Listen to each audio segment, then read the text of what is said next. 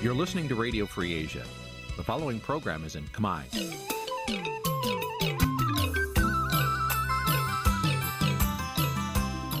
នេះជាកម្មវិធីផ្សាយ Vuthu Azizi Serai នេះជាកម្មវិធីផ្សាយរបស់ Vuthu Azizi Serai ជាភាសាខ្មែរ Vuthu Azizi Serai សូមស្វាគមន៍លោកអ្នកនាងទាំងអស់ពីរដ្ឋធានី Washington នៃសហរដ្ឋអាមេរិក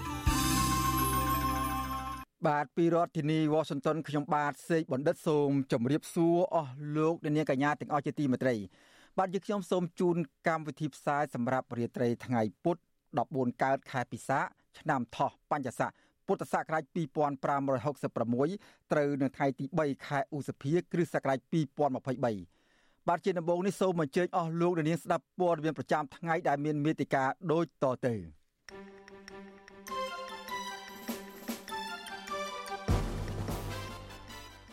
តុលាការកំពូលមិនអនុញ្ញាតឲ្យអនុប្រធានគណៈបកភ្លើងទៀនលោកថៃសេដ្ឋាបាននៅក្រៅឃុំ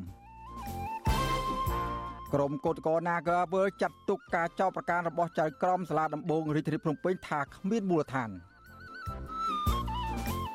អង្គទូតប្រទេសមហាអំណាចចំនួន3ធ្វើពិធីរំលឹកអ្នកសារព័ត៌មានដែលស្លាប់នៅក្នុងសម័យសង្គ្រាមនៅកម្ពុជា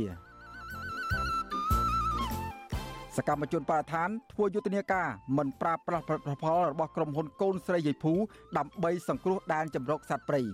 រួមនឹងព័ត៌មានសំខាន់សំខាន់មួយចំនួនទៀតបាទជាបន្តទៅទៀតនេះខ្ញុំបាទសេកបណ្ឌិតសូមជូនព័ត៌មានទាំងនេះពិស្ដា បាទលោកនាងកញ្ញាជាទីមេត្រីតុលាការកំពូលមិនអនុញ្ញាត បានចេញបានប្រកាសសាលដីកានៅថ្ងៃទី3ឧសភានេះបានប្រកាសតម្កល់សេចក្តីសម្រេចរបស់សាលាដំបងទុកជាបានការមិនអនុញ្ញាតឲ្យអនុប្រធានគណៈបកភ្លើងទៀនលោកថៃសេដ្ឋាបាននៅក្រៅឃុំនោះទេ បាទមេធាវីរបស់លោកថៃសេដ្ឋាខកចិត្តចំពោះសេចក្តីសម្រេចរបស់តុលាការនេះបាទលោកនាងនឹងបានស្ដាប់សេចក្តីរាយការណ៍ពិស្ដារអំពីរឿងនេះនាពេលបន្តិចទៀត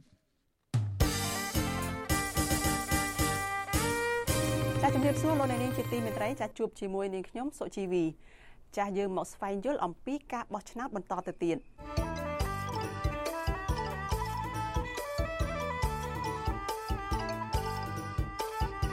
នៅសប្តាហ៍មុនចាលោកអ្នកនាងបានជួបជាមួយលោកសេចបណ្ឌិតចាដែលលោកជម្រាបជូនលោកអ្នកនាងអំពីការបោះឆ្នោតសំខាន់សំខាន់នៅកម្ពុជាចានៅពេលនេះយើងមកស្វែងយល់អំពីថាតើអ្វីទៅគឺជាការបោះឆ្នោតដោយសេរីត្រឹមត្រូវនិងយុត្តិធម៌វិញម្ដង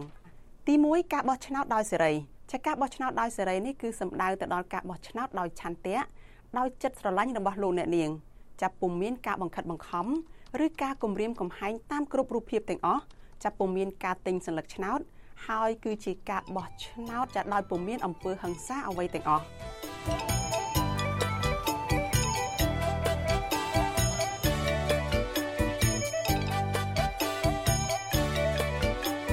ចាជាមួយគ្នានេះលោកអ្នកនាងដែលជាម្ចាស់ឆ្នោតចាលោកអ្នកនាងមានសេរីភាពពេញលេញនៅក្នុងការទទួលបានព័ត៌មានអំពីការបោះឆ្នោតចាហើយលោកអ្នកនាងក៏មានសេរីភាពនៅក្នុងការជជែកការដេញដោលពិភាក្សាអំពីបេក្ខជនដែលចូលឈ្មោះបោះឆ្នោតនិងគណៈបកដែលចូលឈ្មោះបោះឆ្នោតនោះដោយសេរីថែមទៀតចាចំពោះគណៈបកនយោបាយដែលចូលរួមការបោះឆ្នោតវិញ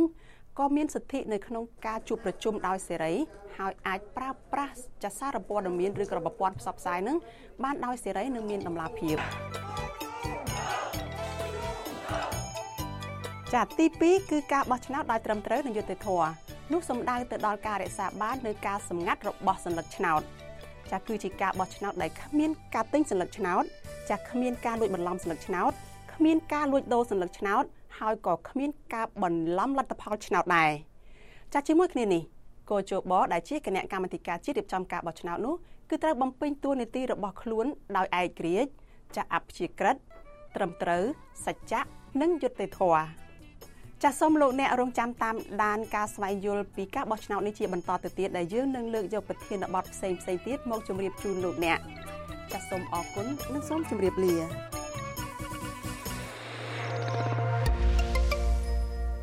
បាទលោកនាងកញ្ញាជាទីមេត្រីលោកនាងកំពុងតាមដានស្ដាប់ការផ្សាយរបស់វិទ្យុអសីសេរីពីរដ្ឋធានីវ៉ាស៊ីនតោនសហរដ្ឋអាមេរិកឥឡូវនេះយើងក៏លេចមកមើលថ្ងៃខួប30ឆ្នាំនៃទិវាសារព័ត៌មានពិភពលោកវិញម្ដង បាទនៅថ្ងៃប្រារព្ធទិវាសារព័ត៌មានពិភពលោកថ្ងៃទី3ឧសភានេះអង្គទូតប្រទេសមហាអំណាចចំនួន3រួមមានឯកអគ្គរដ្ឋទូតអាមេរិកឯកអគ្គរដ្ឋទូតបារាំងនិងឯកអគ្គរដ្ឋទូតជប៉ុនរួមទាំងអង្គការដៃគូនិងអ្នក និងអ្នកសារព័ត៌មានជាច្រើនទៀតបានជួបជុំគ្នានៅទីតាំងស្ទូបគោរពវិញ្ញាណក្ខន្ធអ្នកឆ្លើយឆ្លងព័ត៌មាននៅក្នុងសង្គ្រាមដែលស្ថិតនៅក្បែរស្ថានទូតបារាំងដើម្បីរំលឹកដល់អ្នកសារព័ត៌មានខ្មែរបារាំងអាមេរិកនិងជប៉ុនចំនួន27នាក់ដែលបានស្លាប់នៅក្នុងសម័យសង្គ្រាមស៊ីវិលនៅកម្ពុជា ចាប់ពីឆ្នាំ1970ដល់ឆ្នាំ1975 បាទសេចក្តីប្រកាសព័ត៌មានរបស់ស្ថានទូតបារាំងនៅថ្ងៃទី3ខែឧសភានេះឲ្យដឹងថាអាយអគ្គរដ្ឋទូតបារាំងលោក Jacques Borrell បានថ្លែងថាសេរីភាពសារព័ត៌មាន គឺជាសសរស្តម្ភមួយ នៃសង្គមប្រជាធិបតេយ្យដែលត្រូវដែលតម្រូវឲ្យរដ្ឋាភិបាលមានការទទួលខុសត្រូវចំពោះសកម្មភាពរបស់ខ្លួនហើយធានាថាប្រជាពលរដ្ឋអាចទទួលបានព័ត៌មានដោយត្រឹមត្រូវនិងមិនលំអៀងបាទចំណែកឯកអគ្គរដ្ឋទូតសហរដ្ឋអាមេរិកលោក Patrick Murphy គូសបញ្ជាក់ថាក្នុងពេលដែលខ្ញុំរំលឹកដល់អ្នកសារព័ត៌មានដ៏ក្លាហាននៅទីនេះនិងនៅជុំវិញពិភពលោកខ្ញុំសូមសម្ដែងការគាំទ្រចំពោះសេរីភាពសារព័ត៌មានហើយឈរនៅជាមួយអ្នកសារព័ត៌មានកម្ពុជា ដែលស្វែងរកការអនុវត្តសិទ្ធិជាមូលដ្ឋានរបស់ពួកគេ បាទចំណែកឯឯកអគ្គរដ្ឋទូតជប៉ុនប្រចាំនៅកម្ពុជាលោកអ៊ូអ៊ីនុអាត់ស៊ូស៊ីបានថ្លែងសារសំខាន់ដែរថា សេរីភាពសារព័ត៌មានគឺជាមូលដ្ឋាននៃសង្គមប្រជាធិបតេយ្យសេរីបាទអ្នកជំនាញលើកឡើងថាលំហសេរីភាពសារព័ត៌មាននៅកម្ពុជាកាន់តែរួមតូចចាប់តាំងពីឆ្នាំ2017បន្ទាប់ពីស្ថាប័នសារព័ត៌មានឯករាជ្យត្រូវបានបង្ខំឲ្យបិទទ្វារជាបន្តបន្ទាប់ហើយអ្នកសារព័ត៌មានជាច្រើនអ្នកត្រូវបានអាជ្ញាធររដ្ឋាភិបាលចាប់ដាក់ពន្ធនាគារដោយសារតែការបំពេញការងាររបស់ពួកគេ បាទនៅថ្ងៃប្រារព្ធទិវាសិទ្ធិសារព័ត៌មានពិភពលោកនេះដែរ ឯកអគ្គអគ្គលេខាធិការអង្គការសហប្រជាជាតិលោកអង្គតូរីញ៉ូហ្គូតារ៉េសក៏បានលើកឡើងដែរថាសេរីភាពសារព័ត៌មានគឺជាមូលដ្ឋានគ្រឹះនៃលទ្ធិប្រជាធិបតេយ្យនិងយុត្តិធម៌និងផ្ដល់ឲ្យពលរដ្ឋនៅព័ត៌មានពិតដើម្បីបង្កើតជាគំនិតបាទប្រធានបទដែលប្រារព្ធឡើងនៅឆ្នាំនេះគឺដើម្បីរំលឹកថាសេរីភាពសារព័ត៌មានតំណាងឲ្យជីវិតនៃសិទ្ធិមនុស្ស បាទប្រធានអង្គការសហប្រជាជាតិអំពាវនាវឲ្យពិភពលោក មានសម្លេងតែមួយ ដើម្បីបញ្ឈប់ការគំរាមកំហែងការវាយប្រហារនិងការចាប់ឃុំខ្លួនអ្នកសារព័ត៌មានពីបទដែលពួកគេបានបំពេញការងាររបស់ខ្លួន និងតម្រូវឲ្យបញ្ឈប់ការនិយាយកុហកនិងផ្សាយព័ត៌មានមិនពិតជាពិសេសតម្រូវឲ្យបញ្ឈប់ការវាយប្រហារលើអ្នកសារព័ត៌មាន ឬអ្នកនិយាយការពិត កម្មវិធី Vithu Azizi ស្រីសម្រាប់ទូរស័ព្ទដៃអាចឲ្យលោកអ្នកនាង អានអត្ថបទទស្សនាវីដេអូនិងស្ដាប់ការផ្សាយផ្ទាល់ដោយឥតគិតថ្លៃ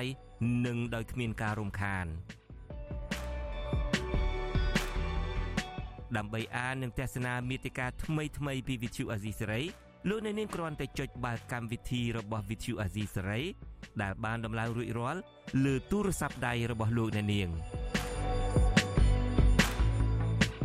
ប្រសិនបើលោកអ្នកនាងចង់ស្ដាប់ការផ្សាយផ្ទាល់ឬការផ្សាយចាស់ចាស់សូមចុចលើប៊ូតុងរូបវិទ្យុដែលស្ថិតនៅផ្នែកខាងក្រោមនៃកម្មវិធីជាការស្ដាយ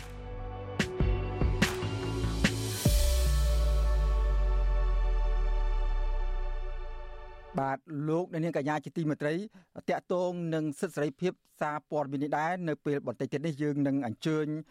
នាយិកានៃនាយកដ្ឋាននៃការអភិវឌ្ឍប្រព័ន្ធផ្សព្វផ្សាយរបស់មជ្ឈមណ្ឌលសិទ្ធិកម្ពុជា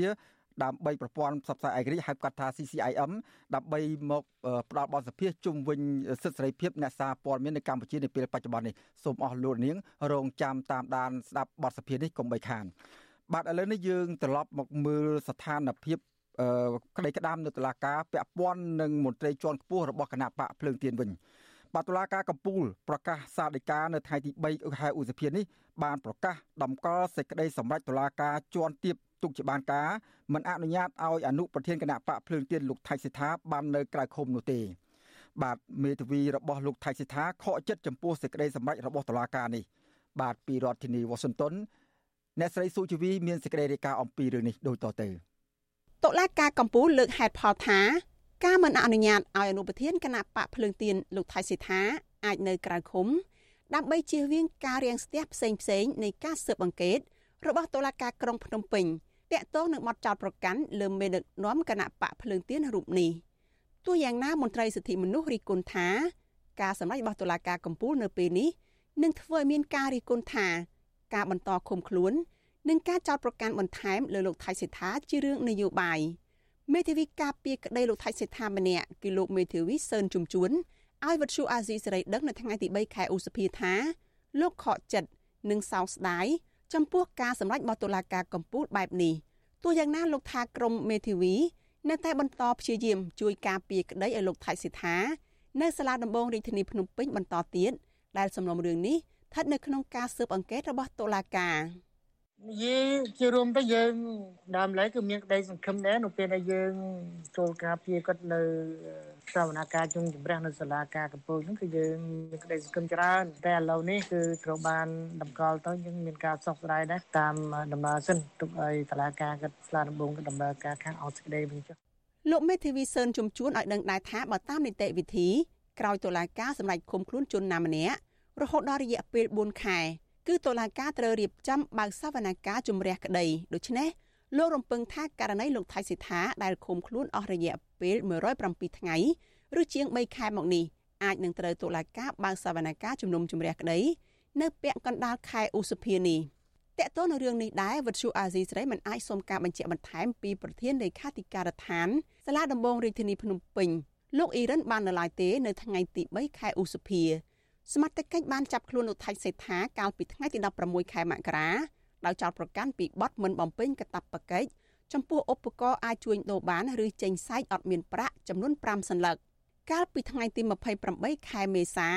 សាលាដំបងរាជធានីភ្នំពេញបានចោទប្រកាន់បទល្មើសថ្មីមួយទៀតទៅលើលោកថៃសេដ្ឋាគឺបទញុះញង់ជុំវិញការបំពេញទស្សនកិច្ចរបស់លោកទៅប្រទេសជប៉ុន កាលពីចុងឆ្នាំ2022ជាមួយគ្នានេះ សាលាដំបងរាជធានីភ្នំពេញក៏បានសម្រេចឃុំខ្លួនលោកថៃសិដ្ឋាបន្ថែមពីលើបទចោទចាស់តកតទៅនឹងបទចោទថ្មីនេះលោកមេធាវីសឿនជំជួនសូមមិនអត្ថាធិប្បាយទេ ដោយលោកមិនទាន់បានដាក់ពាក្យការពារក្តីជូនលោកថៃសិដ្ឋានៅក្នុងសំណុំរឿងនេះនៅឡើយទេតកតទៅរឿងនេះវិទ្យុអាស៊ីសេរីមិនទាន់អាចសុំការអត្ថាធិប្បាយបន្ថែមពីមេធាវីការពារក្តីរបស់លោកថៃសិដ្ឋាផ្សេងទៀតរួមមានលោកមេធាវីកែតខី និងលោកមេធាវីជួងជូងីបានទេនៅថ្ងៃទី3ខែឧសភាទោះយ៉ាងណាប្រពន្ធលោកថៃសិដ្ឋាគឺលោកស្រីថាច់សុកបូរ៉ានីប្រាប់វិទ្យុអាស៊ីសេរីថា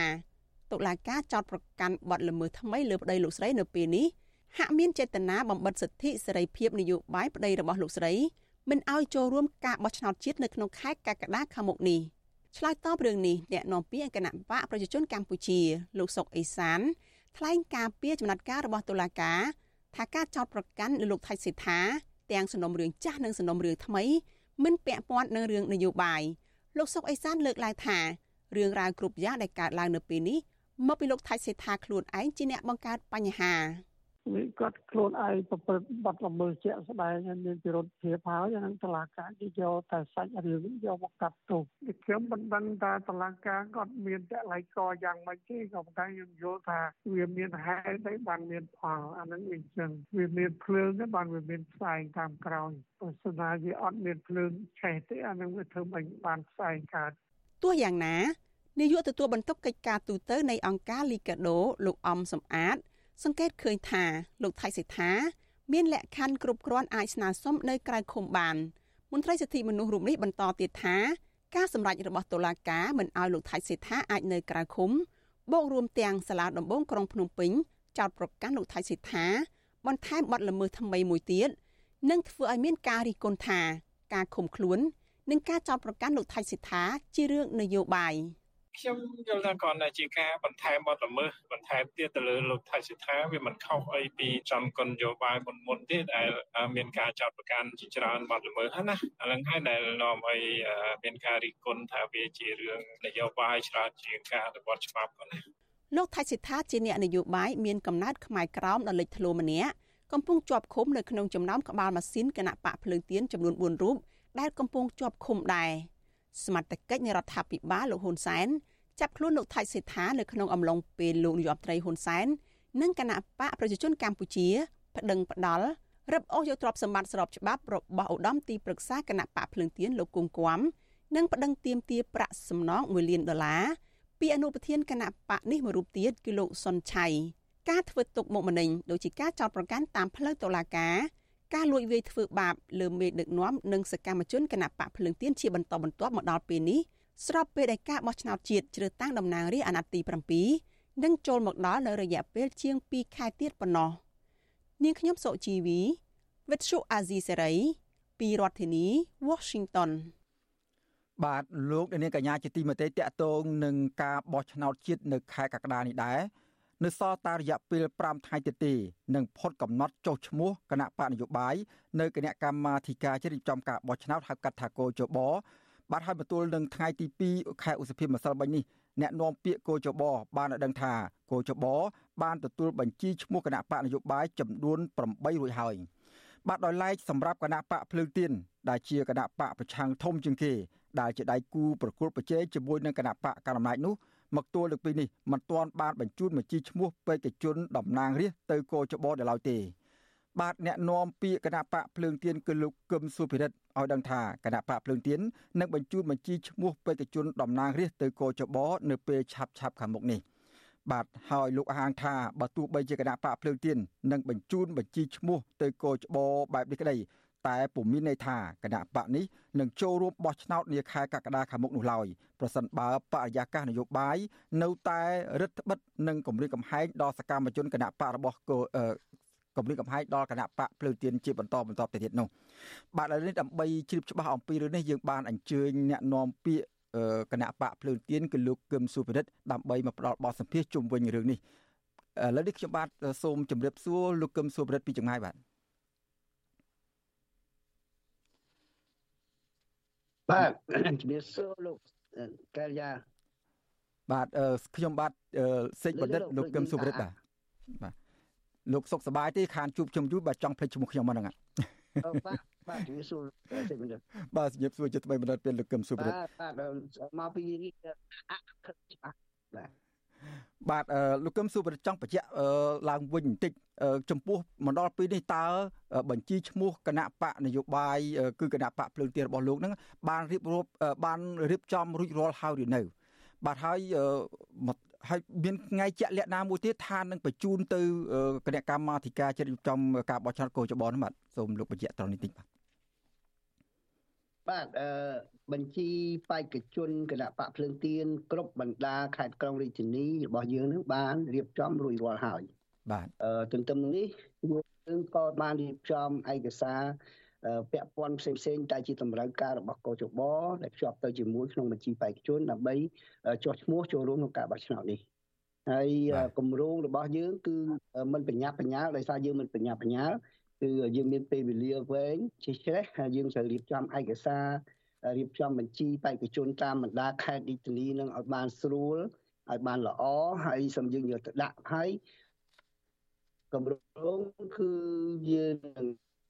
ដាក់នៅថ្ងៃទី5រសៀលថ្ងៃទី5ខាងមុខនេះ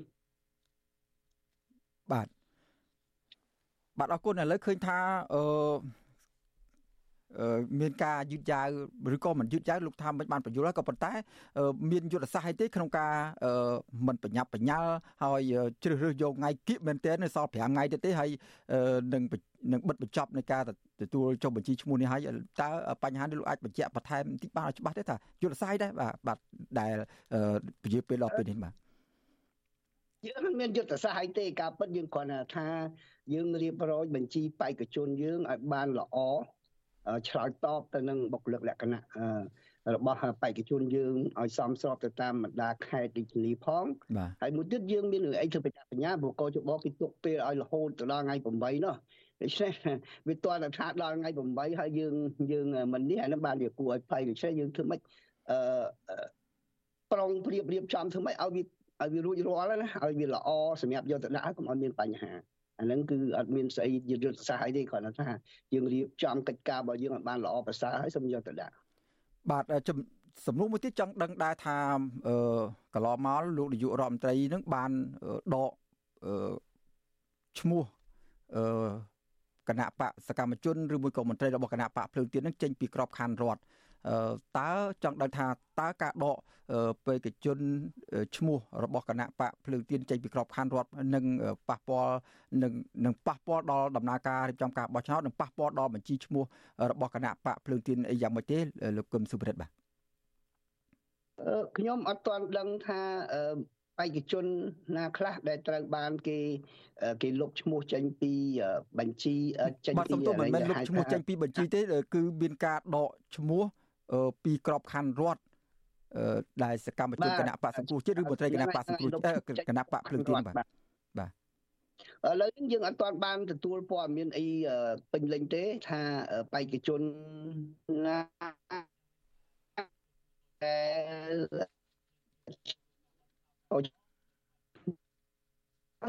ចេញលុបក្រប ខ័ណ្ឌពីអានិរដ្ឋបញ្ជីពីរបស់យើងហ្នឹងផ្ញើចេញទៅយើងទៅហើយបញ្ជីនឹងមានឈ្មោះជាសាធារណៈអានបានយើងដឹងថាតើបេក្ខជនណាខ្លះដែលជាមន្ត្រីរាជការត្រូវបានគេលុបឈ្មោះចេញពីក្របខ័ណ្ឌប៉ុន្តែយោងតាមច្បាប់នយោបាយយើងគិតថាដូចជាមិនមានបញ្ហាអីចោតគ្រាន់តែគ្នាសុំជួឈរឈ្មោះឲ្យគណៈបកណានយោបាយណាដែលគ្នាចង់បំរើគោលយោ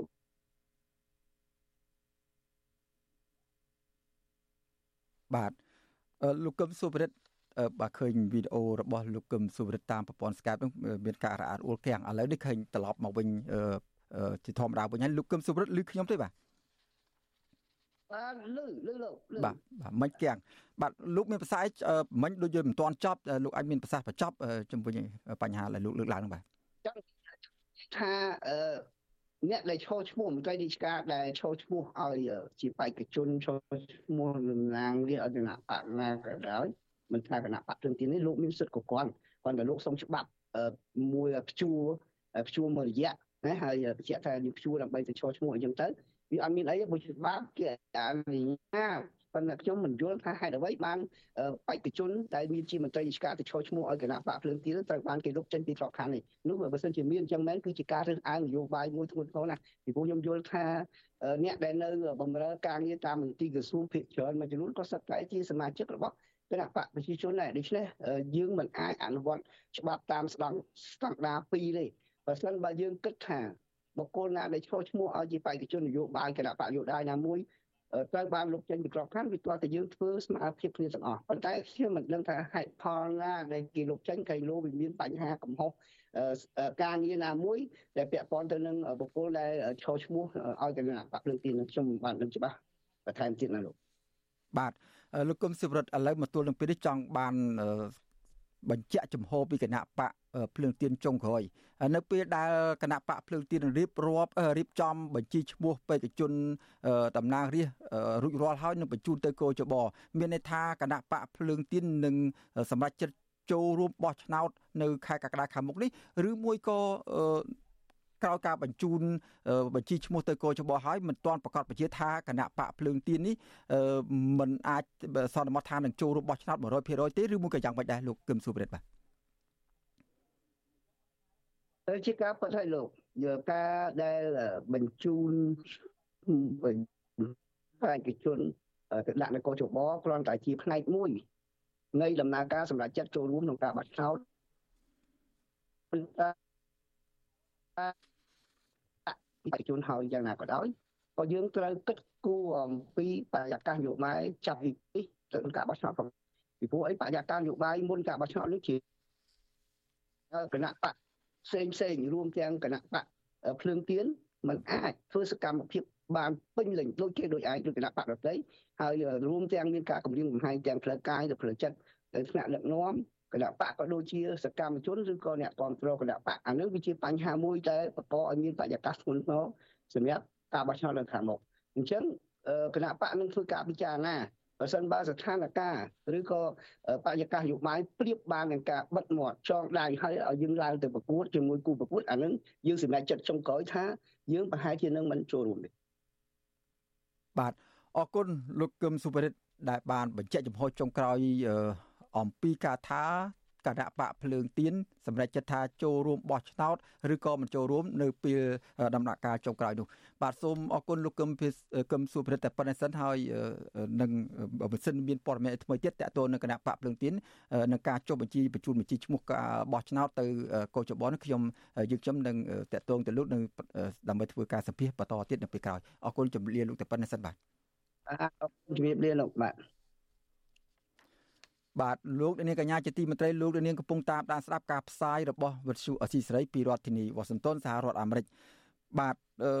ពាក់ព័ន្ធនឹងការតវ៉ារបស់ក្រមកោតក្រ Nagawal នៅវិញ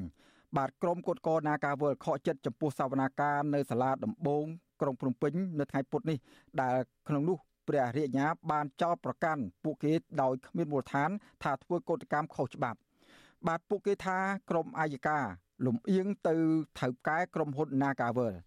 បាទលោកយ៉ងច័ន្ទដារាមានសេចក្តីរាយការណ៍អំពីរឿងនេះពីរដ្ឋធានី Washington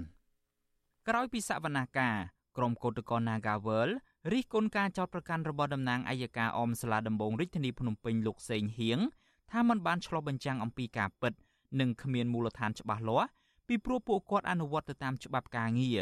មិនបានធ្វើកោតកម្មផ្ទុយពីច្បាប់ការងារឡើយប្រតិកម្មនេះ ធ្វើឡើងបន្ទាប់ពីអัยការអមសាលាដំបងរាជធានីភ្នំពេញបានចោទប្រកាន់តំណាងសហជីពទាំង9នាក់នៅក្នុងសវនាការថាបានញុះញង់ឲ្យក្រុមកម្មករ Nagawal ធ្វើកោតកម្មខុសច្បាប់ បង្កភាពអសន្តិសុខសង្គមនិងស៊ីឈ្នួលធ្វើបាតកម្មប្រឆាំងរដ្ឋាភិបាលអនុប្រធានសហជីពត្រួតត្រងសិទ្ធិការងារនៃក្រុមហ៊ុនបនលបែងកាស៊ីណូ Nagawal កញ្ញាឈឹមសុខន ប្រាប់វិទ្យុអាស៊ីសេរីនៅថ្ងៃទី3ខែឧសភាថា កញ្ញាសោកស្ដាយដែលតុលាការធ្វើការសន្និដ្ឋានដាក់បន្ទុកទៅលើតំណាងសហជីពទាំង9នាក់ដោយគ្មានមូលដ្ឋានច្បាស់លាស់កញ្ញាបញ្ជាក់ថាតុលាការធ្វើការសន្និដ្ឋាននេះដោយផ្អែកទៅលើវីដេអូប្រជុំតាមប្រព័ន្ធទំនាក់ទំនង Zoom ក៏ប៉ុន្តែវីដេអូដែលខាងចៅក្រមចាក់នោះគឺយកតែសម្លេងមួយចំនួនមកចាក់ដោយមិនបង្ហាញពីខ្លឹមសារដើមនោះទេស្នើសុំឲ្យតឡាការនឹង កាត់ក្តីដោយផ្ដល់ភាពយុត្តិធម៌ឲ្យពួកខ្ញុំឲ្យលើកលែងបទចោទស្ថាប័នពាក់ព័ន្ធនឹងកុំឲ្យយករូបប្រព័ន្ធតឡាការទៅដាក់ស្ពានដល់សហជីពផ្សេងផ្សេងកញ្ញាឈឹមសុខនបន្ថែមថាកញ្ញាឈឹមស៊ីធបានស្នើទៅតុលាការឲ្យបើកការិយាល័យសហជីពនៅខណ្ឌចំការមនរបស់ពួកគាត់ឡើងវិញពីព្រោះនៅក្នុងទីស្នាក់ការនោះមានសម្ភារៈមួយចំនួន ដូចជាកាតចាក់វ៉ាក់សាំងនិងអត្តសញ្ញាណប័ណ្ណដើម្បីឲ្យពួកគាត់មានសិទ្ធិចូលរួមការបោះឆ្នោតជាតិនាពេលខាងមុខ ស្រដៀងគ្នានេះដែរកោតក្រ Nagawal ម្នាក់ទៀតលោកណាំទីវ័នថ្លែងថាលោកទទួលយកមិនបានទេនៅការចោទប្រកាន់របស់តុលាការនេះពីព្រោះពួកលោកធ្វើកោតកម្មស្របទៅតាមច្បាប់ការងារមិនបានស៊ីឈ្នួលបរទេសដើម្បីប្រឆាំងរដ្ឋាភិបាលឡើយលោកបន្តថាក្រុមកោតក្រគ្រាន់តែចង់ឲ្យថៅកែ Nagawal ដោះស្រាយវិវាទការងារនិងទទួលយកកម្មករចូលធ្វើការវិញក៏ប៉ុន្តែបែរជាអាញាធរនិងថៅកែក្រុមហ៊ុនលៀបពណ៌មកលើពួកលោក ថាធ្វើកោតកម្មចង់ផ្ដួលរំលំរដ្ឋាភិបាលទៅវិញ។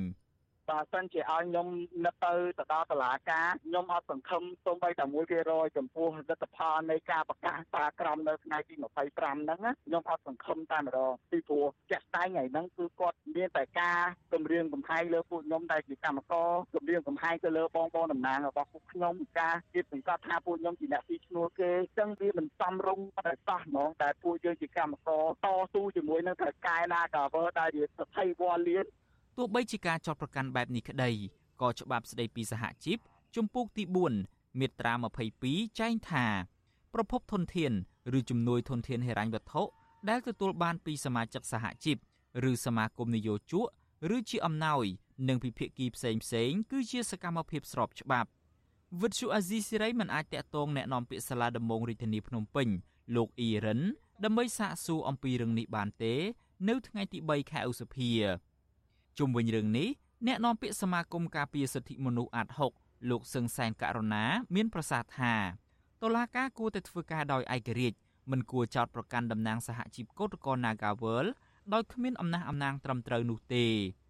លោកបន្តថាប្រសិនបើតុលាការធ្វើការដោយគ្មានសុភវិនិច្ឆ័យនោះ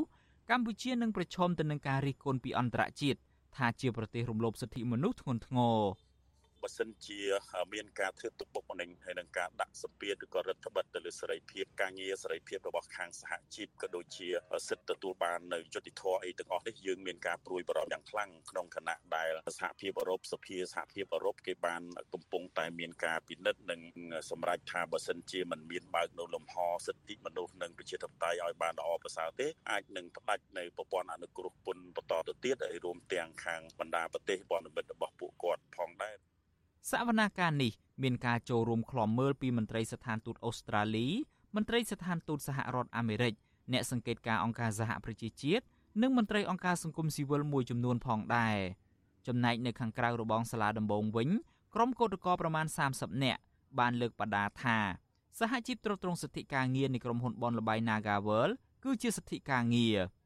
ជាមួយគ្នានេះកងកម្លាំងសមត្ថកិច្ចប្រមាណ20នាក់បានឈរយាមយ៉ាងតឹងរឹង និងបានរារាំងក្រុមកោតក្រដែលមកលើកទឹកចិត្តតំណាងសហជីពមិនឲ្យក្រាលកន្ទេលហូបបាយថែមទៀតផងតុលាការនឹងប្រកាសសាលក្រមសំណុំរឿងញុះញង់ប្រឆាំងទៅនឹងក្រុមកោតក្រ Nagawal នេះនៅថ្ងៃទី25ខែឧសភាខាងមុខកន្លងទៅក្រុមកោតក្រ Nagawal តែងតែរងនឹងការវាយធ្វើបាបដោយអំពើហិង្សាពីសំណាក់អាជ្ញាធរនិងសន្តិសុខរបស់ក្រុមហ៊ុន រហូតដល់កោតក្រខ្លះរងរបួសធ្ងន់ហើយស្ត្រីម្នាក់ត្រូវរលូតកូនក្នុងផ្ទៃទៀតផង ស្របពេលកោតក្រខ្លះគ្មានថវិកាផ្គត់ផ្គង់ជីវភាពគ្រួសារលោកនាយរដ្ឋមន្ត្រីហ៊ុនសែនបែរជាចោទប្រកាន់ពួកគាត់ថាស៊ីឈ្នួលបំរើបរទេសប្រឆាំងរដ្ឋាភិបាលទៅវិញតាមរយៈសារបែកធ្លាយកន្លងមកម្ចាស់កាស៊ីណូ Naga World លោកតាន់ស្រីដែលជាជនជាតិម៉ាឡេស៊ីមានទំនាក់ទំនងជាមួយប្រពន្ធនិងកូនលោកនាយរដ្ឋមន្ត្រីហ៊ុនសែនកូនលោកសុកអានព្រមទាំងមន្ត្រីរដ្ឋាភិបាលមួយចំនួនទៀតកូនកូនរបស់លោកហ៊ុនសែនទាំង4នាក់ ដែលមានទំនាក់ទំនងជាមួយថៅកែ Naga World នោះរួមមានលោកហ៊ុនម៉ាណែតលោកហ៊ុនម៉ាណិតលោកហ៊ុនម៉ាណីនិងអ្នកស្រីហ៊ុនម៉ាណាមន្ត្រីអង្គការសង្គមស៊ីវិលនិងក្រុមកោតក្រ Nagawal ព្រួយបារម្ភថាកម្ពុជានឹងរងការដាក់ទណ្ឌកម្មបន្ថែមទៀតពីសហគមន៍អន្តរជាតិប្រសិនបើតុលាការធ្វើការមិនឯករាជ្យនិងចាប់ចងសកម្មជនសហជីពដូចពេលនេះពួកគេស្នើឲ្យអាជ្ញាធរពិចារណាឡើងវិញនិងទម្លាក់ចោលការចោទប្រកាន់ទាំងអស់ទៅលើតំណាងសហជីព និងជំរុញឲ្យថៅកែបនលបៃ Nagawal ចេញមុខដោះស្រាយវិវាទការងារនេះឲ្យបានឆាប់រហ័សខ្ញុំយ៉ងច័ន្ទដារាវិទ្យុអាស៊ីសេរី Washington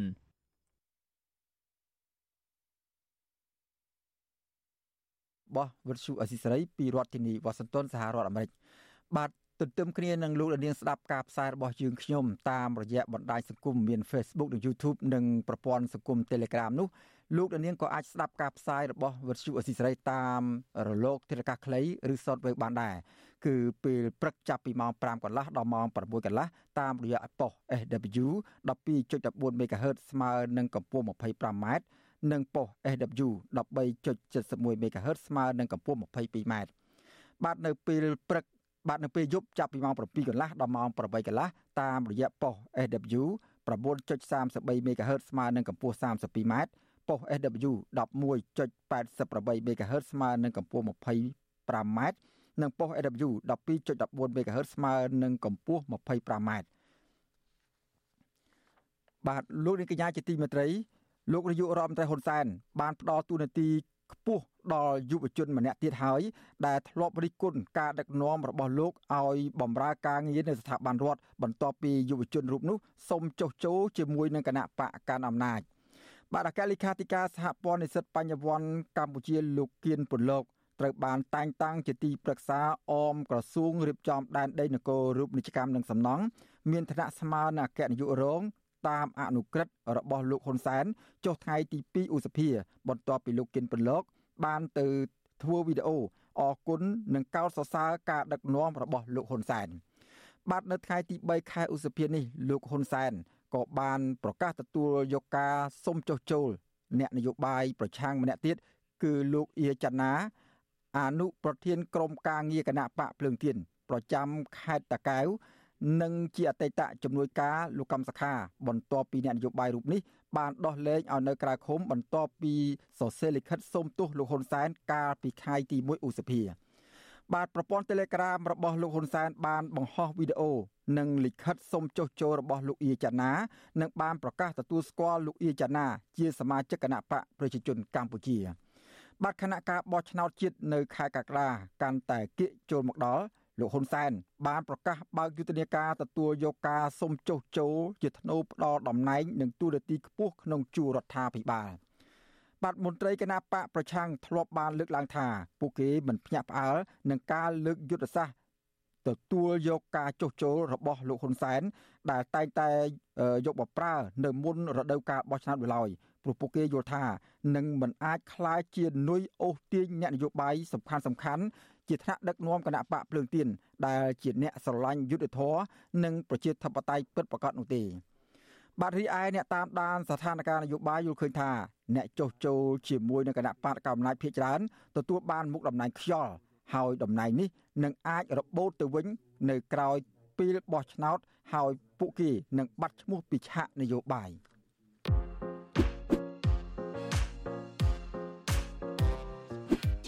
បាទខ្ញុំបាទជួនច័ន្ទវុតស៊ូមជម្រាបសួរលោកអ្នកនាងកញ្ញាជាទីមេត្រីហើយនៅកបែរខ្ញុំនេះគឺជា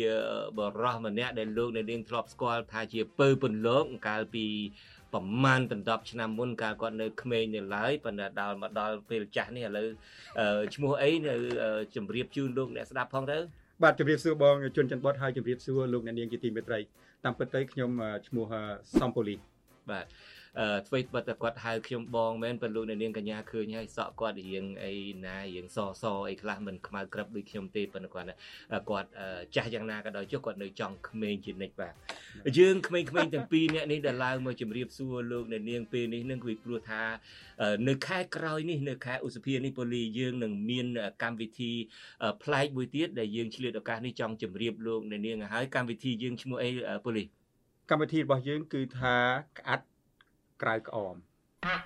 ច្រឡំ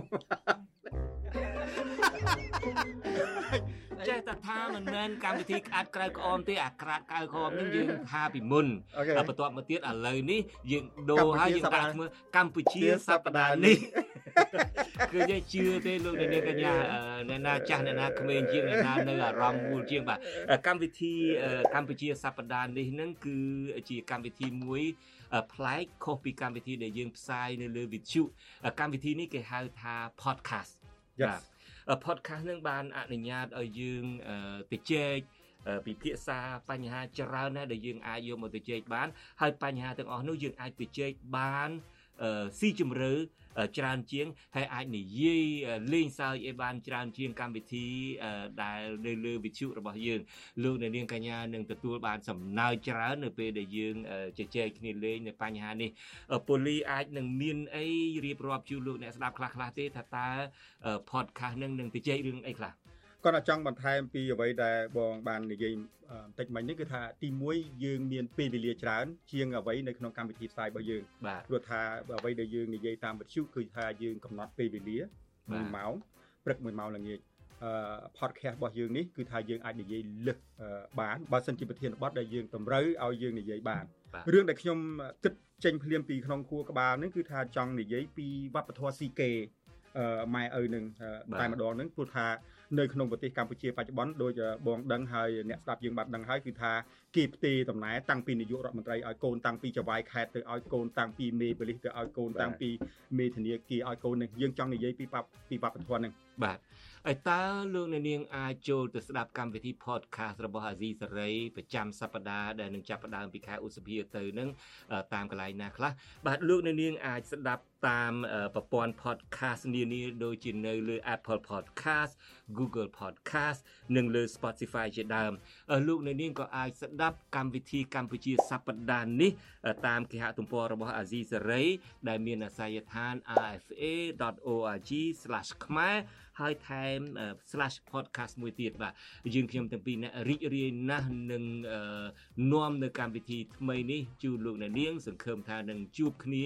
នៅលើកម្មវិធី podcast កម្ពុជាសប្តាហ៍នេះចាប់ពីខែឧសភានេះតទៅ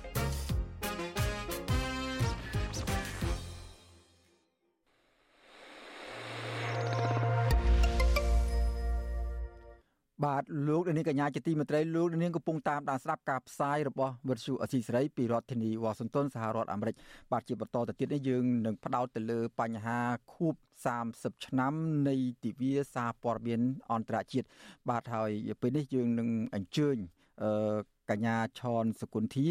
ជានាយិកានាយកដ្ឋានអភិវឌ្ឍប្រព័ន្ធផ្សព្វផ្សាយរបស់មជ្ឈមណ្ឌលកម្ពុជាដើម្បីប្រព័ន្ធផ្សព្វផ្សាយឯករាជ្យហៅកាត់ថា CCIM ដើម្បីឲ្យអ្នកស្រីមកបង្ហាញអំពីទស្សនវិជ្ជាសារព័ត៌មាននៅក្នុងប្រទេសកម្ពុជាបច្ចុប្បន្នតើវាស្ថិតនៅក្នុងដំណាក់កាលយ៉ាងដូចម្តេចបាទឥឡូវនេះខ្ញុំបាទសូមជម្រាបសួរអ្នកស្រីឆនសុគន្ធាពីចម្ងាយបាទ ចាជំរាបសួរលោកបណ្ឌិតហើយក៏ដូចជាជំរាបសួរដល់ប្រិយមិត្តទាំងអស់ដែលកំពុងតាមដានការផ្សាយផ្ទាល់នៅថ្ងៃនេះផងដែរចាបាទចាពាក់ព័ន្ធចាបាទសូមជ័យសូមជ័យបាទ ចាអឺពាក់ព័ន្ធនឹងកម្មវិធីការប្រពទិវាសេរីភាពសារព័ត៌មានពិភពលោកនេះកាលពីម្សិលមិញខាងអង្គការសង្គមស៊ីវិលសហការជាមួយនឹងខាង UNESCO ក៏យើងបានរៀបចំទិវាអឺអបអរសាទរ World Press Freedom Day ឬក៏សេរីភាព សារព័ត៌មានសម្រាប់នៅប្រទេសកម្ពុជាផងដែរប៉ុន្តែនៅក្នុងទស្សនវិជ្ជានៃការរៀបចំនេះយើងមើលឃើញថាមិនសូវមានការអកធិក ដោយកាលពីឆ្នាំមុនទេ សម្រាប់ខ្ញុំជាអ្នក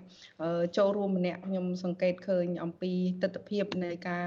រៀបចំចាសំបីតែស៊ីមឬក៏ប្រធានបទរបស់យើងហ្នឹងក៏យើងអត់ហ៊ាននៅក្នុងការដាក់ប្រធានបទដែលមានលក្ខណៈ ក្តៅកគុកឬក៏ប្រធានបទដែលវា reflect ទៅនឹងស្ថានភាពនៃបញ្ហាដែលកំពុងតែកើតមាននៅក្នុងប្រទេសកម្ពុជាផងដែរបាទអរគុណឥឡូវតកតូននឹងការមិនសូវជាមានការចាប់អារម្មណ៍នេះដែរឃើញថាយ៉ាងណាខួប30ឆ្នាំនៃទិវាសារព័ត៌មានអន្តរជាតិនៅក្នុងឆ្នាំ2023នេះយើងសង្កេតឃើញថាដូចជាសិទ្ធិសេរីភាព នៃសិទ្ធិសេរីភាពនៃវិស័យសារព័ត៌មានឬមួយក៏សិទ្ធិសេរីភាពក្នុងការប្រកបវិជ្ជាជីវៈអាជីពសារព័ត៌មានហាក់បីដូចជាត្រូវភ្ជុះភ្លៀងច្រើនណាស់ក៏ប៉ុន្តែអ្នកស្រីបានលើកឡើងអំពីថាការប្រពៃទិវាសេរីភាពសារព័ត៌មានពិភពលោកនៅក្នុងឆ្នាំនេះហាក់បីដូចជាមិនសូវកកឹកកក្រែងមិនសូវជាមានរៀបចំធំដុំមួយជាដើមតើបញ្ហាអីខ្លះដែលនាំឲ្យកើតមានបញ្ហាយ៉ាងដូចនេះបាទ ចាអរគុណយើងឃើញខ្ញុំចង់លើកពីប្រធានបទបន្តិចការនៅក្នុងឆ្នាំ2023នេះដោយយើងទាំងអស់គ្នាបានដឹងហើយគឺជាខួប30ឆ្នាំនៃការរៀបចំ World Press Freedom Day ឬក៏សេរីភាពនៅក្នុងសេរីភាពសារព័ត៌មាននេះហើយនៅក្រោមប្រធានបទស្ដីពីការកំណត់អនាគតនៃសិទ្ធិ សេរីភាពនៃការបញ្ចេញមតិជាកម្លាំងចលករនៃសិទ្ធិមនុស្សដទៃទៀតអញ្ចឹងយើងមើលឃើញថាមូលហេតុអីបានជាយើងដាក់ប្រធានបានន័យថាសកលដែលមាន UNESCO ដែលគាត់ជាស្ថាប័នមួយនៅក្នុងការតាមដានពាក់ព័ន្ធនឹង អ្នកសារព័ត៌មាននៅលើពិភពលោកនេះបានសហការគ្នានៅក្នុងការសម្រេចដាក់ប្រធានបទនេះឡើងគឺដោយសារនៅក្នុងឆ្នាំនេះយើងឃើញថាវាជាខួប30ឆ្នាំនៃសេរីភាពសារព័ត៌មានពិភពលោកហើយក៏ដូចជាខួបលើកទី75នៃសេចក្តីប្រកាសជាសកលស្តីអំពីសិទ្ធិមនុស្សអញ្ចឹងនៅក្នុងឆ្នាំនេះគឺជាឆ្នាំពិសេសមួយដោយសារយើងទាំងអស់គ្នាយើងដឹងហើយពាក់ព័ន្ធនឹងសេចក្តីប្រកាសជាសកលស្តីពីសិទ្ធិមនុស្សហ្នឹងនៅក្នុងសេចក្តីប្រកាសជាសកលហ្នឹងគឺមានសិទ្ធិជាច្រើនដែលពាក់ព័ន្ធនឹងរឿងបញ្ហាសិទ្ធិមនុស្សហ្នឹងមានចែងនៅក្នុងសេចក្តីប្រកាសជាសកលនោះបាទហើយអីដែលសំខាន់ជាងនោះទៅទៀតគឺយើងមើលឃើញថាសិទ្ធិនៃការបញ្ចេញមតិគឺជាសិទ្ធិជាមូលដ្ឋានរបស់មនុស្សគ្រប់ជ្រុងរូបអញ្ចឹងហើយបានជានៅក្នុងឆ្នាំនេះមាននៅលើពិភពលោកគេដាក់ប្រធានបទនេះគឺជាប្រធានបទពិសេសមួយដោយសារហើយនៅក្នុងប្រទេសកម្ពុជាក៏យើងបានយកប្រធានបទសកលនេះយកមកដាក់នៅក្នុងការរៀបចំវេទិការបស់យើងកាលពីម្សិលមិញនេះដែរចាហើយយើងក៏លេខមើលមកវិញយើងទាំងអស់គ្នាដឹងហើយថាស្ថានភាពសេរីភាពសារព័ត៌មាននៅក្នុងឆ្នាំ2023នេះវាស្ថិតនៅក្នុងកម្រិតណា យើងឃើញថានៅថ្មីថ្មីនេះមានស្ថាប័នសារព័ត៌មានអន្តរជាតិមួយដែលហៅថា Reporter Without Border ក៏គាត់ តែងតែចេញរបាយការណ៍របស់ខ្លួននៃការឃ្លាំមើលស្ថានភាពរបស់អ្នកសារព័ត៌មានក៏ដូចជាស្ថានភាពសេរីភាពសារព័ត៌មាននៅក្នុងប្រទេសនីមួយៗផងដែរហើយយើងឃើញថាចំណាត់ថ្នាក់នៅក្នុងប្រទេសកម្ពុជាសម្រាប់នៅក្នុងឆ្នាំ2023នេះគឺ មានយើងបានចំណាត់ថ្នាក់រហូតទៅដល់147នៅក្នុងចំណោម180ប្រទេសហើយបើយើងប្រៀបធៀបនៅក្នុងឆ្នាំ2022កន្លងមកគឺយើងបានចំណាត់ថ្នាក់143អញ្ចឹងយើងឃើញថានៅក្នុងឆ្នាំនេះចំណាត់ថ្នាក់អឺសេរីភាពនៅក្នុងការ សេរីភាពសារព័ត៌មាននៅក្នុងប្រទេសកម្ពុជាហ្នឹងយើងឃើញថាលេខរបស់យើងហ្នឹងគឺកើនឡើងពី143ដល់147អញ្ចឹងយើងឃើញថាមូលហេតុអីបានជាមានការកើនឡើងអញ្ចឹងខ្ញុំក៏លេខមើលសូមឲ្យយើងទាំងអស់គ្នាយើងក៏លេខមើលតើតើនៅក្នុងឆ្នាំនេះដូចជានៅដើមឆ្នាំនេះយើងស្ថាប័នសារព័ត៌មាន VOD មួយដែល យើងបានអនុវត្តសកម្មភាពការងាររបស់ខ្លួន នៅក្នុងរយៈពេល20ឆ្នាំហើយនៅក្នុងខែ2មានការបញ្ជាឲ្យបិទជាបន្តនៅស្ថាប័នមួយនេះអញ្ចឹងយើងឃើញថាតើស្ថានភាពសេរីភាពសារព័ត៌មាននៅក្នុងប្រទេសកម្ពុជានេះយ៉ាងម៉េចហើយនៅពេលដែលមានការបិទស្ថាប័នមួយនេះតើអ្នកណាខ្លះដែល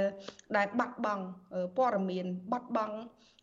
បញ្ហាដែលដែលដែលកើតឡើងនៅក្នុងមូលដ្ឋានតើយើងមើលឃើញហើយស្ថានភាពអ្នកសារព័ត៌មានស្ថានភាពសារព័ត៌មាននៅក្នុងប្រទេសកម្ពុជានឹងមានការកើនឡើងរិចរិចដូចផ្សិតចឹងយើងឃើញជាពិសេសគឺសារព័ត៌មានអនឡាញហើយបើតាមតួលេខរបស់ខាងក្រសួងព័ត៌មានមានអ្នកដែល គាត់បានចោះឈ្មោះបានជាកាតសារព័ត៌មានមានរហូតដល់ជាង10000នាក់ប៉ុន្តែយើងសួរថាក្រោយពេលបិទស្ថាប័នសារព័ត៌មានមួយនេះតើមានអ្នកសារព័ត៌មានដែលគាត់ហ៊ានធ្វើការរាយការណ៍អំពីបញ្ហាឬក៏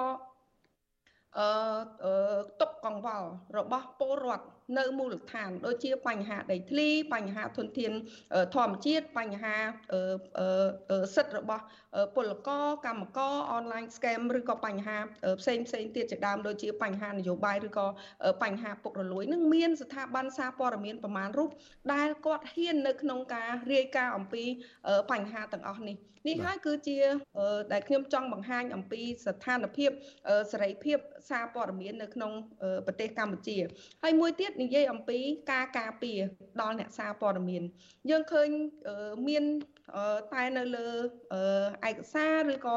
នៅលើកណ្ដាស់ប៉ុន្តែនៅពេលដែលអ្នកសារព័ត៌មាន មានបញ្ហាប្រសិនបើអ្នកសារព័ត៌មានហ្នឹងខ្លួនហ៊ាននៅក្នុងការសរសេរអំពីបញ្ហាឬក៏ភាពអសកម្មនៅក្នុងសង្គមនៅពេលដែលមានបញ្ហា យើងមើលឃើញថាជនការនៃការការពារហ្នឹងគឺស្ទើរតែមិនមានទេតែបើសិនជាអ្នកសារព័ត៌មានដែលគាត់ហ៊ាននៅក្នុងការសរសេរព័ត៌មានកាន់ជើងទៅភាគីមានអំណាចឬក៏ភាគីណាមួយអញ្ចឹងពួកគាត់កម្រនឹងមានបញ្ហានៃការកើតឡើងណាស់ចា៎ បាទអរគុណឥឡូវខ្ញុំចង់ឲ្យអ្នកស្រីឆុតសគុណធាបង្ហាញបន្តិចអំពីបញ្ហាប្រឈមរបស់អ្នកសារព័ត៌មាននៅក្នុងប្រទេសកម្ពុជាបច្ចុប្បន្នជាពិសេសនៅក្រៅព្រឹត្តិការណ៍បិទបទសម្លេងប្រជាធិបតេយ្យ VOD នេះតើពួកគាត់មានបញ្ហាប្រឈមអ្វីខ្លះទាំងផ្នែកច្បាប់ទាំងបញ្ហាជីវភាពរស់នៅនិងការស្វែងរកការងារធ្វើក្នុងវិស័យរបស់ខ្លួនដែលជីវវិជ្ជាជីវៈរបស់ខ្លួនពិតប្រាកដហ្នឹងបាទ ចាអរគុណពាក់ព័ន្ធនឹងរឿងអ្នកសារព័ត៌មានយើងមើលឃើញថាខ្ញុំលើកអំពីសាវតាតាំងពីឆ្នាំ2017អញ្ចឹងយើងមើលឃើញថានៅក្នុងឆ្នាំ2017មុនពេលការបោះឆ្នោតសភាជាតិមានការបិទសារព័ត៌មាន The Cambodia Daily មានការបិទវិទ្យុអសរីសេរីមិនអោយធ្វើការផ្សាយនៅក្នុងប្រទេសហើយក៏មានសារព័ត៌មានមួយចំនួនទៀតក៏មានការដូរអឺ trend របស់ខ្លួនដែរអញ្ចឹងយើងមើលឃើញថាចាប់ពីពេលនោះមកមានអ្នកសារព័ត៌មានដែលដែលពីមុនខ្លួនហ៊ាននៅក្នុងការសរសេរអត្តបទពាក់ព័ន្ធនឹងរឿងបញ្ហាដែលដែលអសកម្មឬក៏បញ្ហាដែលរសើបនៅក្នុងប្រទេសកម្ពុជាដូចខ្ញុំបានលើកពីខាងដើមអញ្ចឹងដូចជារឿងបញ្ហាប្រៃឈើបញ្ហាធនធានធម្មជាតិពីរឿងការបោះឆ្នោតឬក៏បញ្ហាពុករលួយបញ្ហានយោបាយអីហ្នឹង ចឹងគាត់អត់ហ៊ានទេនៅក្នុងការសរសេរអំពីបញ្ហាទាំងអស់ហ្នឹងទៀតដោយសារគាត់គិតថានៅពេលដែលគាត់ មានបញ្ហាកើតឡើងគាត់សរសេរអំពីបញ្ហាទាំងអស់ហ្នឹងអាចនឹងមានគ្រោះថ្នាក់ដល់ខ្លួនគាត់ផងទៅដល់ក្រុមគ្រួសារឬក៏ទៅដល់សាច់ញាតិរបស់ពួកគាត់ផងអញ្ចឹងគាត់ត្រូវការពីអំពីសវត្ថភាពរបស់គាត់រួមទាំងក្រុមគ្រួសាររបស់គាត់អញ្ចឹងយើងមើលឃើញថាសម្រាប់ខ្ញុំខ្ញុំធ្វើការលើវិស័យសារព័ត៌មាននេះខ្ញុំសម្គាល់ឃើញថាចំនួននៃអ្នកដែលដែលហ៊ាននៅក្នុងការសរសេរព័ត៌មានដែលបែបស៊ើបអង្កេតឬក៏ព័ត៌មានដែលដែលមានបញ្ហារសើបអំពីបញ្ហាសង្គមហ្នឹងគឺកាន់តែថយចុះបើយើងប្រៀបធៀបពីឆ្នាំ2017រហូតមកដល់ពេលបច្ចុប្បន្ននេះហើយយើងមើលឃើញសម្រាប់អ្នកសារព័ត៌មានខាង VOD នៅពេលដែលស្ថាប័នមួយនេះបាន វាជាកម្មវិធីមួយរបស់ស្ថាប័នខាង CCM យើងឃើញថាអ្នកសារព័ត៌មានដែលគាត់ធ្លាប់តែបំពេញអាជីពហើយនឹងវិជ្ជាជីវៈរបស់គាត់គាត់បែរទៅធ្វើកិច្ចការផ្សេងប៉ុន្តែគាត់ត្រូវធ្វើកិច្ចការនឹងតាមឆន្ទៈនិងមនសិការរបស់ពួកគាត់ចា៎បាទសូមអរគុណអ្នកស្រីឈលសុគន្ធាដែលបានចំណាយពេលវេលាផ្ដល់បទសម្ភាសអំពីទស្សនវិជ្ជា ពេលបច្ចុប្បន្ននេះពាក់ព័ន្ធនឹងវិស័យសារព័ត៌មាននៅក្នុងប្រទេសកម្ពុជា នៅក្នុងខួប30ឆ្នាំនៃទិវាសារព័ត៌មានពិភពលោកបាទអរគុណជំរាបលាតែប៉ុណ្្នេះសិនបាទចាអរគុណជំរាបលាបាទលោកនាងកញ្ញាជាទីមេត្រីឥឡូវនេះយើងក៏លើកទៅមើលបញ្ហាបរិស្ថានវិញម្ដង បាទក្រមយុវជន សកម្មជន និងពលរដ្ឋស្រឡាញ់ធម្មជាតិនាំគ្នាពហិការមិនប្រើប្រាស់ ផលិតផលរបស់ក្រុមហ៊ុន អ្នកស្រីជឹងសុគន្ធារីត្រូវជាកូនស្រីរបស់អ្នកស្រីជឹងសុភិបហៅយាយភូបន្ទាប់ពីប្រធានក្រុមហ៊ុនមួយនេះទទួលបានសិទ្ធិអភិវឌ្ឍលើដីតំបន់ឧទ្យានជាតិគិរីរម្យបាទមន្ត្រីសង្គមស៊ីវិលគាំទ្រការធ្វើពហិការរបស់ក្រមយុវជន ដើម្បីឲ្យរដ្ឋាភិបាលពិចារណាឡើងវិញ អំពីផលប៉ះពាល់បរិស្ថាន និងធ្វើឲ្យបាត់បង់ផលប្រយោជន៍រួមបាទពីរដ្ឋធានី Washington សូមស្ដាប់សេចក្តីរាយការណ៍របស់លោកនៅវណ្ណរិនអំពីរឿងនេះ បាននិយាយពីការលុបបង្និងរំលោភដីរបស់ប្រជាពលរដ្ឋនោះគេនឹងនឹកឃើញដល់អ្នកស្រីជឹងសុភីបហើយយាយភូដែលស្និទ្ធស្នាលនឹងគ្រួសាររបស់លោកនាយករដ្ឋមន្ត្រីហ៊ុនសែនជាបុគ្គលដែលតែងតែទទួលបានដីសម្បត្តិឥតឈប់ឈរពីរដ្ឋាភិបាល។យាយភូដែលមានគេឈ្មោះល្បីថាពាក់ព័ន្ធនឹងការរំលោភសិទ្ធិដីធ្លីរបស់ពលរដ្ឋនិងបំផ្លាញធនធានធម្មជាតិបានបន្តវេនទៅដល់កូនស្រីរបស់យាយភូគឺអ្នកស្រីជឹងសុគន្ធធាវី ដែលទទួលបានដីសម្បត្តិនៅឧទ្យានជាតិគិរីរម្យជាង200ហិកតា នៅឆ្នាំ2022កន្លងទៅថ្មីថ្មីនេះ ក្រមយុវជន សកម្មជនបរិស្ថាន និងប្រជាពលរដ្ឋបាននាំគ្នាបង្ហោះសារធ្វើពហិការលើបណ្ដាញសង្គម Facebook ប្រងព្រាតដើម្បីទាមទារឲ្យរដ្ឋាភិបាលដកសិទ្ធិអភិវឌ្ឍលើដីឧទ្យានជាតិគិរីរម្យពីអ្នកស្រីជឹងសុគន្ធធាវីវិញសកម្មជនចលនាមេដាធម្មជាតិកញ្ញាមានសីឡា ប្រាប់វិទ្យុអាស៊ីសេរីនៅថ្ងៃទី3ឧសភាថាកញ្ញាធ្វើពហិការនេះដោយសារតែកញ្ញាបារម្ភថាក្រុមហ៊ុនរបស់អ្នកស្រីជឹងសុគន្ធធាវី ដែលជាកូនស្រីបង្កើតរបស់អ្នកស្រីជឹងសុភីបអាចនឹងដើរតាមគន្លងរបស់ម្ដាយខ្លួនដោយបង្កវិនាសកម្មព្រៃឈើនិងធ្វើឲ្យបាត់បង់ទេសភាពធម្មជាតិនៅក្នុងតំបន់ឧទ្យានជាតិគិរីរម្យ ការឆ្លើយតបរបស់រដ្ឋាភិបាលគឺនៅពេលដែលយើងខំនាំគ្នាស្រែកអញ្ចឹងវាទៅជាប្រទេសមួយដែលអត់យកច្បាប់ជាធំទេទៅជាតប្រជាពលរដ្ឋប៉ះឬក៏ប្រជាពលរដ្ឋធ្វើការតវ៉ាបានមានការឆ្លើយតបបែបអញ្ចឹងវាទៅជាគ្មានទំនួលខុសត្រូវក្រុមហ៊ុនឯកជនភាគច្រើនអត់មានទំនួលខុសត្រូវទៀតសោតដល់ពេលដែលធ្វើការអភិវឌ្ឍកន្លែងណាមួយខ្លួនឯងនឹងអត់បញ្ជាក់ពីភាពស្អាតស្អំរបស់ខ្លួនឯងទេគឺបញ្ចេញនៅអាគោលបំណងខ្លួនឯងចង់ធ្វើអីនៅទីនោះហើយបញ្ចេញឲ្យច្បាស់ពីការវិតម្លៃប៉ះពាល់បរិស្ថានហ្នឹងគឺសំខាន់យុទ្ធនាការពហិការរបស់ក្រមយុវជន សកម្មជន និងប្រជាពលរដ្ឋនេះធ្វើឡើងបន្ទាប់ពីមានការផ្សព្វផ្សាយពីអនុក្រឹត្យរបស់រដ្ឋាភិបាល កាលពីខែមិថុនាឆ្នាំ2022បានកាត់ដីព្រៃនៅតំបន់ដែនជម្រកសត្វព្រៃភ្នំអរ៉ាល់ជាង600ហិកតា និងដីព្រៃឧទ្យានជាតិគិរីរម្យជាង200ហិកតា ទៅឲ្យក្រុមហ៊ុន One More Ltd របស់អ្នកស្រីជឹងសុគន្ធធាវីដែលជាកូនស្រីបង្កើតរបស់អ្នកស្រីជឹងសុភីប ហើយយាយភូគឺជាប្រពន្ធរបស់លោកឡៅមេងខិនសមាជិកព្រឹទ្ធសភាគណៈបកប្រជាជនកម្ពុជា ដែលល្បីឈ្មោះខាងយកដីប្រជាពលរដ្ឋលុបបឹងលុបឆ្នេរនិងបំផ្លាញធនធានធម្មជាតិ នៅក្នុងផ្ទាំងរូបភាពឬបដាដែលក្រមយុវជនបង្ហោះនៅលើបណ្ដាញសង្គមអមទៅដោយសញ្ញាខ្វែងពណ៌ក្រហមលើរូបអ្នកស្រីជឹងសុគន្ធធាវីដោយភ្ជាប់ជាមួយឃ្លាថាយើងនាំគ្នាពហិការមិនប្រើប្រាស់ផលិតផលទាំងអស់នេះដើម្បីសង្គ្រោះឧស្សាហជាតិគិរីរម្យនិងដែនជម្រកសត្វព្រៃភ្នំអរ៉ាល់រូបភាពមួយសន្លឹកនេះ ក៏បានបង្ហាញពីការរក្សាជំហរមិនប្រើប្រាស់និងគ្រប់គ្រងផលិតផលក្រុមហ៊ុន One More របស់អ្នកស្រីជឹងសុគន្ធធាវីតទៅទៀតរួមមានផលិតផលទឹកសុទ្ធ Vital មីជាតិនៃក្រុមហ៊ុនផលិតចំណីអាហារនិងភេសជ្ជៈ NVC Corporation Co Ltd និងសេវាកម្មក្រុមហ៊ុនលក់និងទីផ្សារ One Frenity ជាដើម។ ពលរដ្ឋរស់នៅក្នុងរាជធានីភ្នំពេញកញ្ញារំស្រីណាតឲ្យដឹងថាកញ្ញាឈប់គាំទ្រផលិតផលរបស់ក្រុមហ៊ុនគ្រួសារអ្នកស្រីចឹងសុភីបហើយយាយភូនេះយូរណាស់មកហើយបន្ទាប់ពីអង្គការរូបនេះដើរយកដីប្រជាពលរដ្ឋនិងបំផ្លាញធនធានធម្មជាតិកញ្ញាបន្តថាកញ្ញានឹងចូលរួមធ្វើពហិការតាមបណ្ដាញសង្គមឲ្យកាន់តែផុសផុលបន្ថែមទៀតដើម្បីបង្ហាញពីការមិនគាំទ្រការអភិវឌ្ឍដែលបង្កផលប៉ះពាល់ដល់ធនធានធម្មជាតិលើភ្នំគិរីរម្យ បើគិរីរំគេយកទៅធ្វើ resort ទៅធ្វើអីអូខេទទួលស្គាល់ថាធ្វើហើយអាចរកចំណូលបានច្រើនតាក់ទាញភ្ញៀវទេសចរអីប៉ុន្តែសួរថាចំណូលហ្នឹងបានទៅអ្នកណាបានទៅប្រជាពលរដ្ឋឬក៏សហគមន៍ដែលគាត់នៅក្នុងអត់បើសិនជាអត់ទេខ្ញុំគិតថាវាអត់គួរឲ្យអភិវឌ្ឍទេ វិទ្យុអាស៊ីសេរីមិនអាចតាក់ទងប្រធានអង្គភិបអ្នកណែនាំពាក្យរដ្ឋាភិបាលលោកផៃស៊ីផាន និងអ្នកណែនាំពាក្យក្រសួងបរិស្ថាន លោកណេតភក្ត្រាដើម្បីសុំការបកស្រាយរឿងនេះបានទេនៅថ្ងៃទី3ខែឧសភាចំណែកតំណាងក្រុមហ៊ុន NVC ផលិតទឹកសុទ្ធ Vital និងក្រុមហ៊ុន One Frenity ក៏មិនអាចតាក់ទងសុំការឆ្លើយតបបានដែរ។ យុទ្ធនាការពហិការផលិតផលរបស់ក្រុមហ៊ុន One More Group នៅពេលនេះស្រដៀងទៅនឹងពហិការការប្រើប្រាស់ផលិតផល និងសេវាកម្មរបស់ក្រុមហ៊ុនលោកអុកញ៉ាលេងនវត្រាកាលពីខែសីហាឆ្នាំ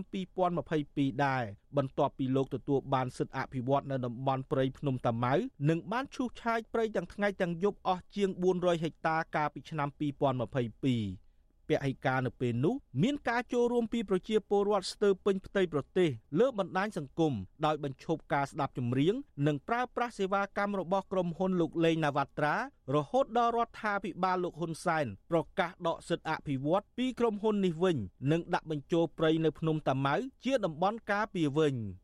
ជុំវិញរឿងនេះមន្ត្រីកម្មវិធីស្រាវជ្រាវនឹងតស៊ូមតិនៃសមាគមបណ្ដាញយុវជនកម្ពុជា លោកហេងកំហុងគាំទ្រការធ្វើពហិការរបស់យុវជន ដើម្បីឲ្យលោកស្រីជឹងសុគន្ធធាវី និងរដ្ឋាភិបាល ពិចារណាឡើងវិញពីផលប៉ះពាល់បរិស្ថាន និងបាត់បង់ប្រយោជន៍រួមដោយសារគម្រោងអភិវឌ្ឍរបស់ក្រុមហ៊ុនឯកជននេះ។ យើងឃើញថាអ្នកដែលទទួលបាននឹងមិនមែនជាពលរដ្ឋក្រីក្រមិនមែនជាទម្រង់សម្បទានសង្គមកិច្ចទេគឺជាទម្រង់មួយដែលកាត់ទៅឲ្យក្រុមអ្នកមានលុយមានកាក់ស្រាប់ដើម្បីជាឱកាសពួកគេអភិវឌ្ឍដើម្បីប្រមូលបានទុនធានខ្លះជាអ្នកមានបានបន្តទៀតណានេះជារឿងមួយដែលធ្វើឲ្យយើងអត់យល់អំពីគោលបំណងពិតប្រាកដនៃការជំរុញឲ្យមានការអភិវឌ្ឍនោះដែរ ភ្នំគិរីរម្យមានទីតាំងស្ថិតនៅក្នុងឃុំចំបក់ស្រុកភ្នំស្រួចខេត្តកំពង់ស្ពឺត្រូវបានកំណត់ឲ្យក្លាយជាតំបន់ឧទ្យានជាតិដោយសម្ដេចព្រះបរមកោដ្ឋនរោត្តមសីហនុកាលពីឆ្នាំ1993និងសម្ពោធដាក់ទៅជាឧទ្យានជាតិព្រះសុរាម្រិតកុសមៈកាលពីខែមិថុនាឆ្នាំ1995ដើម្បីរក្សាទុកជាតំបន់អភិរក្សធម្មជាតិ ឧស្សាហជាតិដែលមានផ្ទៃដីជាង30000ហិកតានេះបានកំណត់ឲ្យមានការថែរក្សាធនធានធម្មជាតិនិងបម្រើឲ្យវិស័យទេសចរដោយមិនឲ្យខូចខាតដល់បរិស្ថាននោះឡើយ។ក្រមយុវជននិងសកម្មជនបរិស្ថាន រំពឹងថារដ្ឋាភិបាលរបស់លោកហ៊ុនសែននឹងពិចារណាលើបញ្ហានេះប្រសិនបើមានការចូលរួមពហិការឲ្យបានផុសផុលពីប្រជាពលរដ្ឋដោយករណីនៅភ្នំតាម៉ៅ ខ្ញុំបាទនៅវណ្ណរិន With Chu Azizi Saray ពីរដ្ឋធានី Washington បាទលោកនាងកញ្ញាជាទីមេត្រីតកតោនឹងការអភិវឌ្ឍនៅឧទ្យានជាតិគិរីរម្យនេះដែរយុវជនចលនាមេដាធម្មជាតិកញ្ញាធុនស្រីពៅបានបង្ហោះវីដេអូទាមទាររដ្ឋាភិបាលដកហូតត្រឡប់មកវិញចំពោះការផ្ដោតដីជាង2ហិកតានៅក្នុងឧទ្យានជាតិគិរីរម្យទៅឲ្យក្រុមហ៊ុនឯកជនរបស់អ្នកស្រីជឹងសុគន្ធធាវី ដែលមានប្រវត្តិមិនល្អតាក់ទងនឹងការបំផ្លាញធនធានធម្មជាតិបាទសូមលោកនាងទស្សនាសេចក្តីរាយការណ៍ទស្សនាទស្សនាសេចក្តីសូមទស្សនាវីដេអូនេះដូចតទៅជំរាបសួរបងប្អូនទាំងអស់គ្នាឧទ្យានជាតិព្រាសរាមរិទ្ធកុសមៈគ្រីរំដែលបងប្អូនស្គាល់ហៅថាជាឧទ្យានជាតិគ្រីរំត្រូវបានចាញ់អនុក្រឹត្យដោយព្រះករុណាព្រះបាទបរមរតនកោដ្ឋតាំងពីឆ្នាំ1993ដែលមានទីតាំងស្ថិតនៅស្រុកភ្នំស្រួយខេត្តកំពង់ស្ពឺ